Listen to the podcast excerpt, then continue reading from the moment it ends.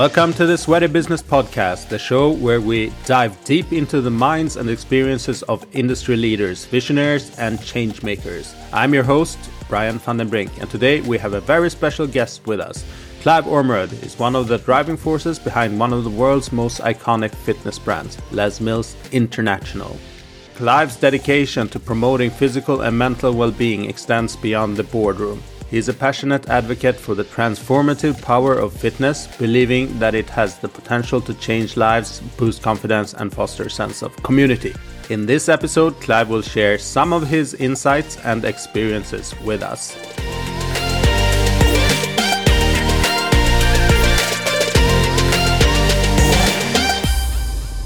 Right, uh, welcome back to the Sweaty Business Podcast, and a big and warm welcome to Clive Ormerod from Les Mills. Awesome, thank you very much, Brian. It's lovely to be here with you. Yeah, I am very excited to record this uh, session. A great opportunity to, um, yeah, pick your brain, who is like at the epicenter of the fitness industry and connected with the whole world. So this is a great opportunity for for me and for our listeners to get some insights uh, straight from Les Mills. Awesome, thanks. Well, as I said, thank you for having us. I look forward to uh, chatting to you over the next little while. Yep.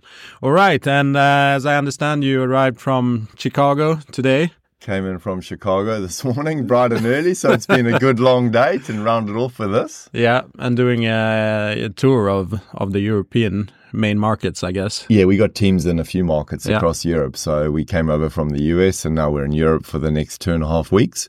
And we're also spending some time with one of our partners who we've recently signed a partnership with, Adidas. All right. At their yeah, office next week. And then we've also got Les Mills Live Paris going on this weekend. So there's quite a few things happening, which is why I'm here. Nice. I was at the Les Mills Live in uh, Stockholm uh, a couple of weeks ago, which was awesome. Was, the energy was just uh, electric. Yeah, it was electric. Yeah, yeah. actually. So, uh, so that was a great experience, and that is uh, one of the things that Les Mills. You do a lot of great stuff, but the live events are just the best. I yeah, think in the industry, nothing beats live. Yeah. At the end of the day, live is core to our business. You know, we, we look at it through the lens of live is the pinnacle of what we do. We're humans at the yeah. end of the day. So that human connection and that physical touch is really important. And when you're in front of a amazing instructor on stage with a group of presenters alongside some friends or other human beings, you really just can't beat that thrill of a live experience. No, you definitely can't. All right, so we'll start off with some uh, light questions before we dive into the more business oriented stuff. Is that Sounds all right with you? Yeah, let's go. so, what do you read? I read a range of things, but at the core, I really like autobiographies.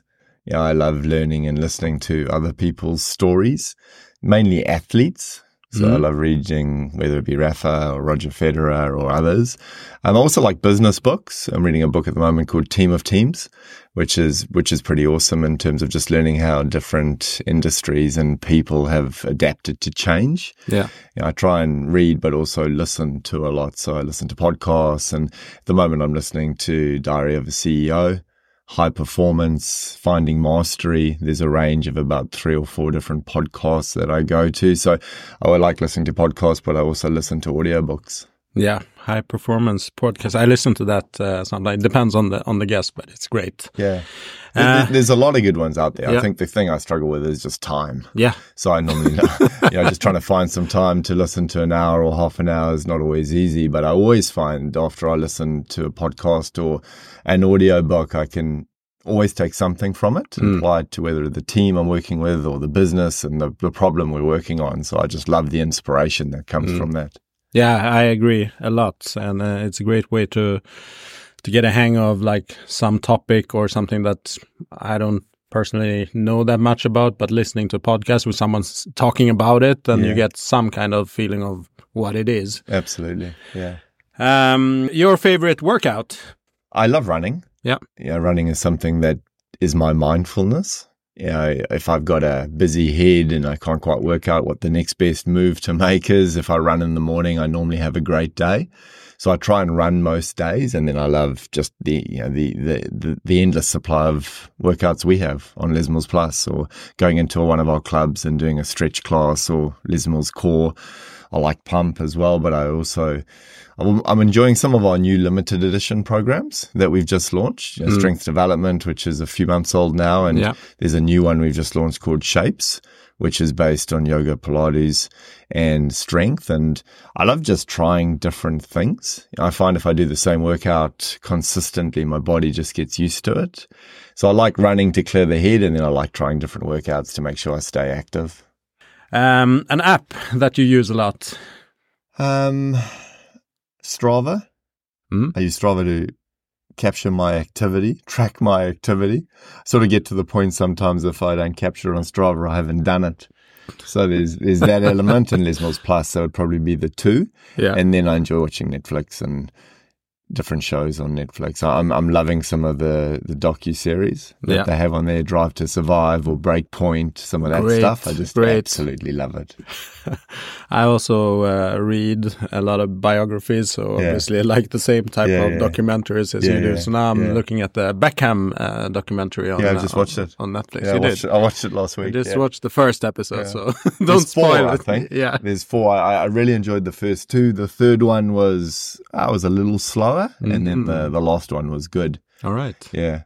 Yeah, it's real blast from the past, from the nineties, and yeah. yeah. you remember, you can remember some of those goals and some of those yeah. moments and yeah. where you, where you were and what you were doing. Yeah, definitely. Um, if you didn't do what you do today, what uh, what would you then do? Yeah, I mean, what I really enjoy or love about what I do is working with with other people and building a team. Mm. So I'd I'd be wanting to work on something meaningful. I think that's one thing I love about what we do at Les Mills and the fitness industry is we're helping people live healthier lives, healthier, happier lives. So if I wasn't working at Les Mills, I'd want to try and find another purpose that is lined up to something that gives me fulfillment mm. and working with a group of people that are passionate about what they do. Yeah. That's, uh, I mean, working in what what I have learned from working within the fitness industry for uh, 13 years now is like the passion that's that's there. I've been in other industries, and then, I mean, people enjoy their job, but they're yeah. probably not usually not as passionate about their products or services that they're actually promoting or like fitness. Yeah. Yeah, I've, I've, worked in, as I said earlier, four industries, and one other industry matches the same level of passion as we've got in the fitness industry, and that was sporting goods. Yeah. I very similar. Just imagine yeah, that. Some, similar type of passion, similar type of purpose, but people that are competitive and want to try and make an impact in the world. Mm. Uh, if you would uh, pick one one thing that the fitness industry needs to rethink, what would that be? I would probably suggest it's be more comfortable to disrupt itself. Mm.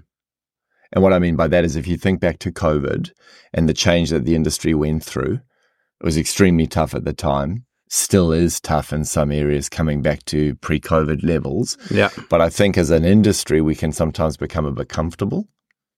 And if we can sure. disrupt ourselves a little bit more in terms of, wow, if something else big came along, how can we make sure we future proof ourselves mm. or at least be ready for a different way of operating? I would encourage that.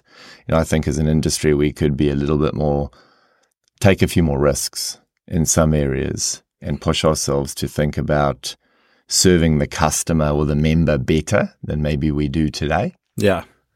Yeah, I agree to that. It's, more, it's like a case of adapting or dying in the end. I mean, I think a lot of the gym owners that I know that are struggling a bit, it's because they haven't evolved that much because a lot of other stuff around them has has changed a lot. And but it's not it's not easy because they're like, okay, what should we do? What uh, training formats? How should we build our gym? Yeah, so there's tons of questions. Yeah, it's definitely not easy, and it's extremely competitive and you get incumbent's dilemma. You sort of know what you do and you've done yep. it well and it's got you to where you are today.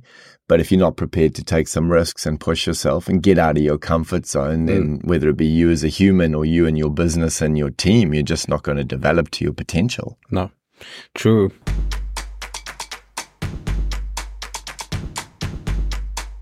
but for the the listeners to get a little bit uh, sense of your your background, what what is your backstory, more or less professionally? Yeah, yeah. I mean, I think professionally or personally, ultimately, it's all one thing. You know, I think as a human, you you you have a life experience and it shapes you and makes you who you are.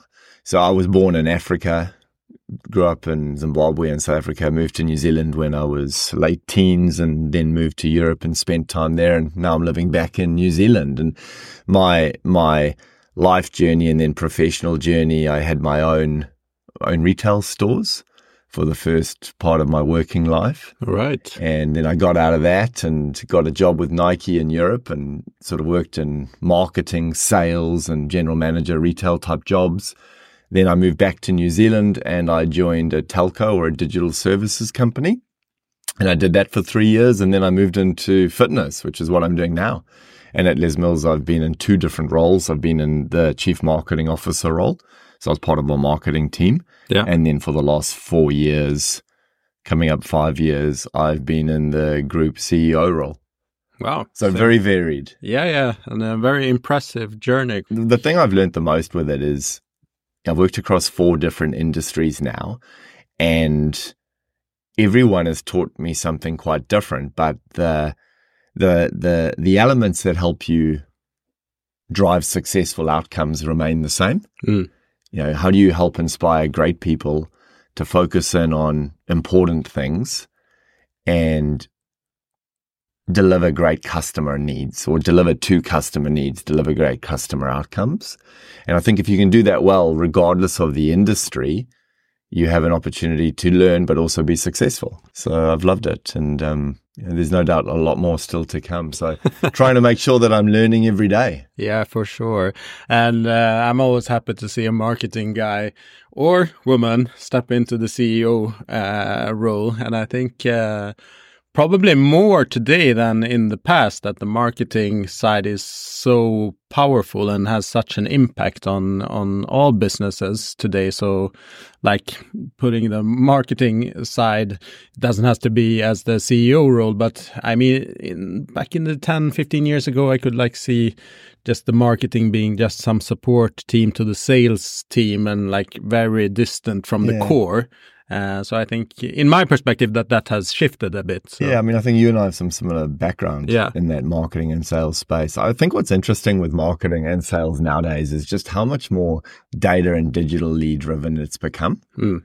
So if you think about using data to better serve customers and to take product to them in a way where you meet their expectations, those are amazing skills to have and learn as a human to take into a role like a, a CEO or a general manager where you where you need those skills to then help inspire other teammates, whether that be in a people and culture function or finance or other. So I, I personally think marketing nowadays, the new age marketeer with strong data and digital and mm. technology skills is really well suited to run and lead companies. Yeah. And your role as uh, CEO, what is like the main main objectives? What are, what do you do on yeah. a daily basis? What is the most important tasks? The most important thing for us is that we help people fall in love with fitness.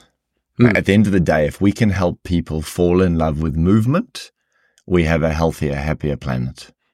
So the job I'm in at Les Mills and the privilege I have is to try and have more people choose us as Les Mills to work and move out to. Yeah. And to do it in a way where we help create habit, where we help create life changing habits. I think the awesome thing with the fitness or wellness or the industry we work in, regardless of what you want to call it, is at the core of it, it's about helping people live healthier lives. Mm. So a big part of my job is helping point the company in the right direction and then working with an amazing group of people to achieve the plan that we have. I know it sounds simple, and it's yeah. definitely not as simple as that. And it's an extremely competitive industry, yeah. and there's always a lot of change going on. But at the core of it, it's about helping inspire a group of teammates to lead the company in a way where we can help more people live healthier lives. Yeah. And I like how you express this. Like, helping people falling in love with fitness. I saw uh, when F Philip Mills was here, yeah. and you held a business uh, day. Fitness uh, live, yeah, yeah. And then the, the, the last slide was like the purpose of fitness was is making people fall in love. love and I was fitness. like, yeah, is it really the purpose? But then thinking back in my days as a group fitness instructor, personal trainer, and you had these movers, as you say, that don't love fitness when they come in, but after a while they they get this habit, and then actually people express that they're like, I can't live without this. So it's actually like kind of falling in love. That's something. what we believe. Yeah, and and I think you know, regardless of what other people's beliefs are, we believe we help people fall in love with mm. fitness. We help them find movement that makes them healthier, happier people. You know, I think the connection to purpose is really important. I've worked at Les Mills now for coming up six years, mm. and I've been a part of the team for that long, and it's the most purpose led company or team that I've ever been a part of. So it attracts people that are passionate about helping people fall in love with fitness. Our mission as a company is creating a fitter planet. Yeah. And when we talk about creating a fitter planet, we talk about two things. We talk about healthy people and healthy planet. Yeah. So the healthy people part is what we've talked about or talking about today. And the healthy planet part is about our commitment to combating climate change, planting trees mm. and helping make sure the planet is healthier for longer. That's great. And you've been communicating that for a long time, even uh, before sustainability, and like so. was was a thing. Uh, I remember like 10, 15 years ago, I saw presentations and, and yeah, Philip and Jackie have been communicating it for a long time. Yeah. As the founders of our company, that is something they feel passionate about. So we have an opportunity to continue to show up well in that space. Yeah. Well, speaking of Philip, how yeah. is it? Uh, stepping in his shoes like it's a family family owned business yeah. and uh, a global business as well how has that yeah, uh, transition I mean, big, big, shoes to fill um, and you know, I think the thing I love about the role that I'm in is you have opportunity to learn from Philip, but you also have great opportunities to learn from Jackie. You know, Philip and Jackie, as founders of our company, have created something really special. Mm. And the role that I'm in now is to also make sure that I stay authentic to who I am, show up as the best leader that I can be, and make sure that I'm really comfortable and open to learning from others. I think the thing that I love about the job that I'm in is that you're learning every day and you're alongside some really talented, amazing teammates that that I learn from as much as hopefully they learn from me. And I think the thing that I love about the family owned business that we have is that there's a real desire to make a big impact in the world. Mm. And that comes from Philip and Jackie. Yeah. So the learning opportunity is steep, and also the industry that we work in is perfectly set up to make an impact, a positive impact in the world. Mm. Could you tell us a bit about the culture? Because uh, one thing uh, that really strikes me whenever I meet people who are in some some kind of way connected to uh, Les Mills, yes. either your team here in Sweden or if it's instructors, all of them are like Les Mills. It's like a it's like a um, I don't know, a tribe or something. Uh, could you say something yeah. about uh, this culture and how has it become so sticky? Yeah, I mean, it's it's a passionate culture that is really focused on like-minded people coming together and working hard to make an impact in the world. Mm. You know, so I think at the core of it, it's we want to make a difference. We are passionate about doing that, so we will set the bar high. We'll make sure that we're ambitious in the things that we want to achieve. And we'll ideally back each other to do that. And I think the community that that has created, like you said, around the world mm. is really infectious and helps create a movement that I haven't necessarily experienced in other businesses. Oh. So it's a, it's an awesome culture to be a part of. It's a competitive culture. We work in, a, in an industry that's going through a lot of change right now, but through the pandemic. And if you look at some of the consolidation that's happening in the industry, it's yeah. going to continue to be competitive. So our culture needs to continue to help fuel us to keep our head up and chase the opportunity as hard as we can, which is to make an impact in the world. Yeah. And I think that's what thousands or hundreds of thousands of people fall in love with and why they want to be a part of what we do. Hmm. Yeah, super impressive.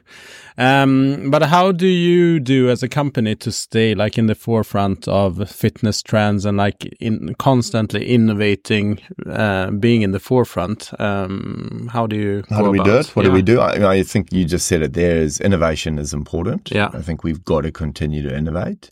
So that is about continuing to push ourselves around the product that we create to better serve customers. At the core of what we do, we're a content company. We set ourselves up to ideally produce amazing content, group fitness workouts, choreographed to music, and to do it in a way that we believe is better, is more infectious, creates habit better than anyone else. So our innovation is focused on continuing to try and better serve customers through the products that we bring to life. Mm. But that's also evolved. If you think about content, yes, content shows up in our workouts, but it also shows up on the platforms that we now show up on, such as virtual or mixed reality, the trip. Yeah, so so you talk about how do we stay at the forefront of it? I think innovation continues to be key. I think there's an opportunity also to take risk. Mm. It's one thing I love about this company, yeah. and our founders are very supportive of taking risks to make an impact in the world. And I think if we're doing those two things and we don't get complacent and rest on our laurels, we have an opportunity to continue to make an impact. Mm, for sure. And um, the COVID pandemic, it changed uh, a lot. I mean, during the pandemic, it yeah. was like the whole world turned upside down. And yeah. then now we are like uh, a couple of years to, yeah, one year, one and a half year uh, through it, more, yeah. more and less. we're still feeling it. Yeah. What would you say? How how has this impacted the fitness industry on like a macro level? Yeah, I, I think it's it's brought a lot of new innovation into the category at, at its simplest form, it forced a lot of people to adopt digital when a lot of members of the industry weren't up for that or mm. weren't looking for that. So it, it, forced us to do that. But in doing that, it also brought new players to the market. yeah, Peloton was around, but you saw the rise of that. Mirror, Tonal, other players in that digital fitness space all yeah. were able to come and play a role in helping define what the future of fitness looks like. I also think it's changed the dynamics of instructors and club operators and the environment that they're now operating in and what their members expect of them. So I think the bar was lifted definitely in a big way, which which is which is good. Mm. I think what we're going to continue to see off the back of it though is consolidation you know, we we we we still seeing examples of not yet being back to some level of normal trend that mm. we experienced before the pandemic. So yeah. maybe we'll never get back there. But in that, in that same time, there's a lot of new entrants that have come into the industry. And I believe we're going to continue to see lots of consolidation. So it was a it was a it was a big moment in time. I think it's taught a lot of players within the industry that you definitely need to adopt, evolve, or die. I think there's there's that yeah. space to play into, and I don't think we're anywhere near the other side of it yet. No. So there's still a lot of challenge and or opportunity in the space because of it. Exactly, and you you mentioned some companies that um, that emerged during yeah. the the pandemic. I mean, Peloton, Mirror, and uh, most of them are struggling heavily. And I think Mirror is uh, going to be ditched now by Lululemon Cut totally, and uh, end up in in in the Peloton platform. What do you see as key like factors to to create a sustainable digital product? Yeah we, we've we've got a digital product called Les Mills Plus, yeah. and we've been experiencing the same challenges as pre-pandemic, through the pandemic, and now have been three very different moments in time. And the unit economics of trying to run a business through that time has changed dramatically. The cost of acquisition in a digital space has bounced around a lot. The time that people stay with you has bounced around a lot and the amount of competition that are competing for the same customers in the same cohort or demographic set has continued to increase. And you're seeing that with some of the, the players that you've just mentioned choosing to go in different strategic directions. Yeah. I don't think that's the end of it either. The thing that we find interesting with our company and our business is that we don't just have a digital play. We have deep, long term relationships with club partners and we have widespread relationships with instructors at scale. And I believe that if we can bring clubs, instructors, and the mover together, that's where we can win. Yeah. And that's what the customer is ultimately looking for mm. is a flywheel of fitness in some form. So we call it our fitness ecosystem. I don't think we've cracked it yet either as a company. As the industry changes and the macroeconomics evolve, we've got to change with it. But we've learned a lot over the last three years. And I believe we as a company are really well placed to capitalize on that going into the future. Mm.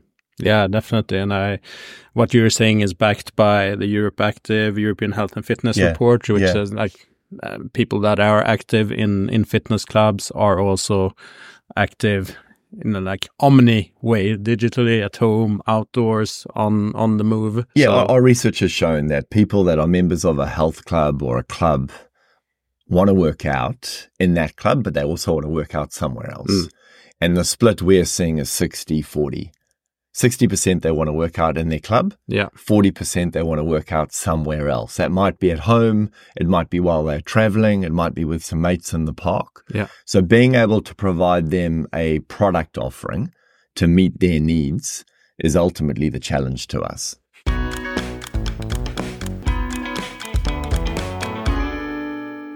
All right. And having a global uh, presence, uh, which are the main challenges of like catering to different market needs, behaviors, or possibly there aren't that yeah. big di differences I, between regions or? Oh, I, th I think there's, there, there are a lot of similarities, but then with some markets too, you're seeing some stark differences as well.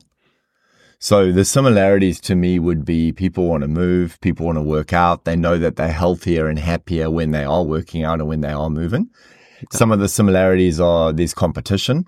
The competition is becoming bigger and heavier than ever. So we're playing into that space as well as we can. But when you get into markets like China, which in the fitness space is still very much emerging. Yeah. a huge emerging market. A huge emerging yeah. market. It could be our single biggest market within yeah. the next five years. Mm. You know, right now it's probably sitting number five or six for us. So there are a lot of similarities, but there are a lot of differences too. And I think the differences come more through cultural nuances. So in the Middle East, whether it's male or woman only clubs, in China, whether it's the development of fitness in regions outside of the key cities like Beijing or Shanghai are not yet as advanced as they are in all cities. Yeah. Some of that's just going to take time. I don't think it necessarily means that it won't end up being similar to what we've seen in other markets. It might just be a few years behind. Mm. Th- that's the awesome thing about the job that I have or the business that we work in is we are working across different cultures and different countries that are definitely at different stages of maturity. Mm-hmm. Yeah, super interesting. And speaking of China, I listened to there's a Swedish uh, podcast that is focused on China tech. Yeah. Okay. And they said like there was I think 400 or 500 million Chinese people who aren't digitalized yet. Yes. So I mean, like that's I don't know how many who live in Europe, but that's it's a lot just, of people. Yeah, it's a lot of people. So the potential is uh, there's a lot of people that are not yet digitalized. If I you know use that stat you, yeah. you shared, and at the same time they have a very digitally connected very, country, very much. So as an operator in that space, servicing gyms and instructors on a tech stack or platforms that are very different to the Western world. You just got to show up and adopt in quite a unique way. Mm. You've got to adopt with your content. You're communicating in a different way. Your relationship with stru- instructors and clubs are slightly different as a result. So it definitely provides opportunities that you don't necessarily see in other countries around the world. Mm. And this might be a tricky question to ask, a big question, but um, which role does uh, technology play in in like the whole Les Mills uh, ecosystem? How important is it to you as a business? I think technology is extremely important, but I think we shouldn't forget the fact that we also work in a industry and in a company that is a live business. Yeah. So we believe nothing beats live. Like I said earlier, a live event for us, whether it be one of our big lives that you've attended or other ones that we've held around the world, is just going to be probably your best fitness experience you would experience for a long time. Yeah. Technology, though, can enable that and make it better. You know, I think a lot of people get nervous about technology and think that it's going to replace the live experience. For me, it's about enhancing the live experience. And I think if we can do it in that way, then technology is going to be an enabler yeah. of enjoying our products better. It's also going to help take us to new audience groups. So the thing I love about technology is it means we can serve people or engage with people that otherwise might not have chosen to engage with us. Yeah. And if we can use technology in that way, then not only do we make our live experiences better, we reach more people and help more people fall in love with fitness. Yeah. It's great. Um, in terms of fitness trends, which yeah. are the key trends that you at Les Mills uh, see and have adapted to? or are adapting to? Yeah, definitely are adopting. I think if you look at it right now, females lifting on the gym floor mm. is massive. You know, so strength is a big, big trend that's been around for a while but continues to grow. Hmm, for so sure. for us, leaning into that space, we've launched two new pro. or We've launched one, about to launch another new limited edition program. One called Strength Development, one called Functional Strength. Very much servicing that space. The other one is yoga and Pilates. Mm and and it's it's in some of those environments it's about bringing them together so we've just launched a new program called shapes and shapes is grounded in yoga pilates and is strength based so strength is something that's not going around i think some of the other trends that we have seen beyond the category trend or the program trend has been consolidation mm-hmm. now you talked earlier about a couple partners or players in the fitness category that have recently come together. And we're going to see more of that. Yeah. And we're definitely not yet at the tipping point of consolidation. I think we're going to see a lot more consolidation. There is a lot of comp- competition, and I think we'll continue to see. That's one of the reasons why we did our partnership earlier this year with Adidas. Yeah, was to, uh, you know, I used to work. I used to work at another sport company, And partnerships were a big part of what we did there. So our, our partnership with Adidas is very much about bringing together, I believe, two great, two great brands, complementing each other and reaching new audience groups. And I think that trend of partnerships is another one that you're going to just continue to see strengthen. Yeah. Uh, I agree. For me, uh, it's great with the Adidas partnership, but for me, uh, Adidas hasn't been like a fitness brand. more for me, more a sports brand. But mm. I guess there, mm, yeah, you had the the previous partnership with with Re Reebok that was owned by by Adidas. But um, yeah, what is the like main purpose with that uh, collaboration with with Adidas? Why did you pick to work together? Yeah, I, I, mean, I think you just touched on it. Yeah. from Adidas's perspective, we as Les Mills, yeah. we're a traditional fitness training partner. So for them, it's about working with us to get credibility in the training space. Yeah. For us, it's about scaling our brand. So it's about growing our global brand awareness and it's about growing our digital footprint. Yeah. And if we can get amazing products because Adidas makes some amazing training product onto the back of our hundreds of thousands of instructors around the world. It's also about enabling our trainers and our instructors to be able to teach better, fill studios. If we can if we can bring this partnership to life in that way, it's been a great success. We're nine months in to a four year working relationship. So we're really just getting started. And yeah. I really hope you're going to see some exciting things over the next few years. Yeah, it will be interesting to follow that development. Anyway, it's a good, good uh, brand fit, I think. Um, Les Mills communicates a lot about like the next generation, Gen Z. Uh, why is that so important to have in mind, and why are you, so to speak, obsessed about it? Yeah, I'm, I'm not sure we're obsessed. I, it's just my interpretation yeah, of it. Yeah, I, Might be unfair, though. No, but... no, no. I think it's I think it's fair. I think we are focused on it yeah. because Gen Z is the bigger, biggest cohort of people going to the gym right now. Hmm. I think Gen Z are also more fitness minded, fitness orientated than any other generation. We also know that it's a demographic group or a customer group that can be quite fickle and is looking to make sure they stay at the forefront of trends. So as a company, it's really important for us to make sure that we're producing products that that they're excited about. Mm. Why? Because they're joining gyms. They're the biggest member user joining gyms right now. Yes. And we want to make sure that we're able to give our gym partners new innovation so that they are ready to service. Yes, yeah, makes sense. This demographic. So we we're definitely focused on it.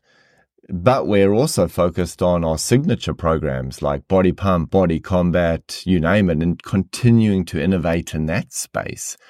I think the other thing that's that's worth mentioning with Gen Z is it's not just about being a certain age. It's about having a mindset. Yeah. So how do you how do you remain Gen Z relevant? How do you have the right mindset to stay relevant in that space? And I think as a company, it's really important for us to continue to do. Mm. Of course. And I was very puzzled by, or like surprised by a figure that I saw in uh, Phillip Mills' uh, presentation a, a, couple of weeks ago that yeah. 80% of the fitness club members are Gen Z or mil- millennials. Millennials, so yeah. basically 42 and, and, and younger. Yep. That is a huge 80%. Yeah. Exactly. So you got 80% of new joiners being millennials or Gen Z. We know what trends they're looking for within their fitness choices. So as a company, let's make sure we're providing products and services that are relevant to clubs and instructors to service mm. those those members. And that's why we have got that focus on it, like yeah. you referenced.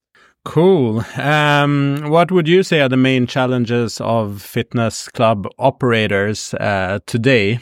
I think the biggest one, it's not just fitness club operators, but it's about staying relevant. Mm.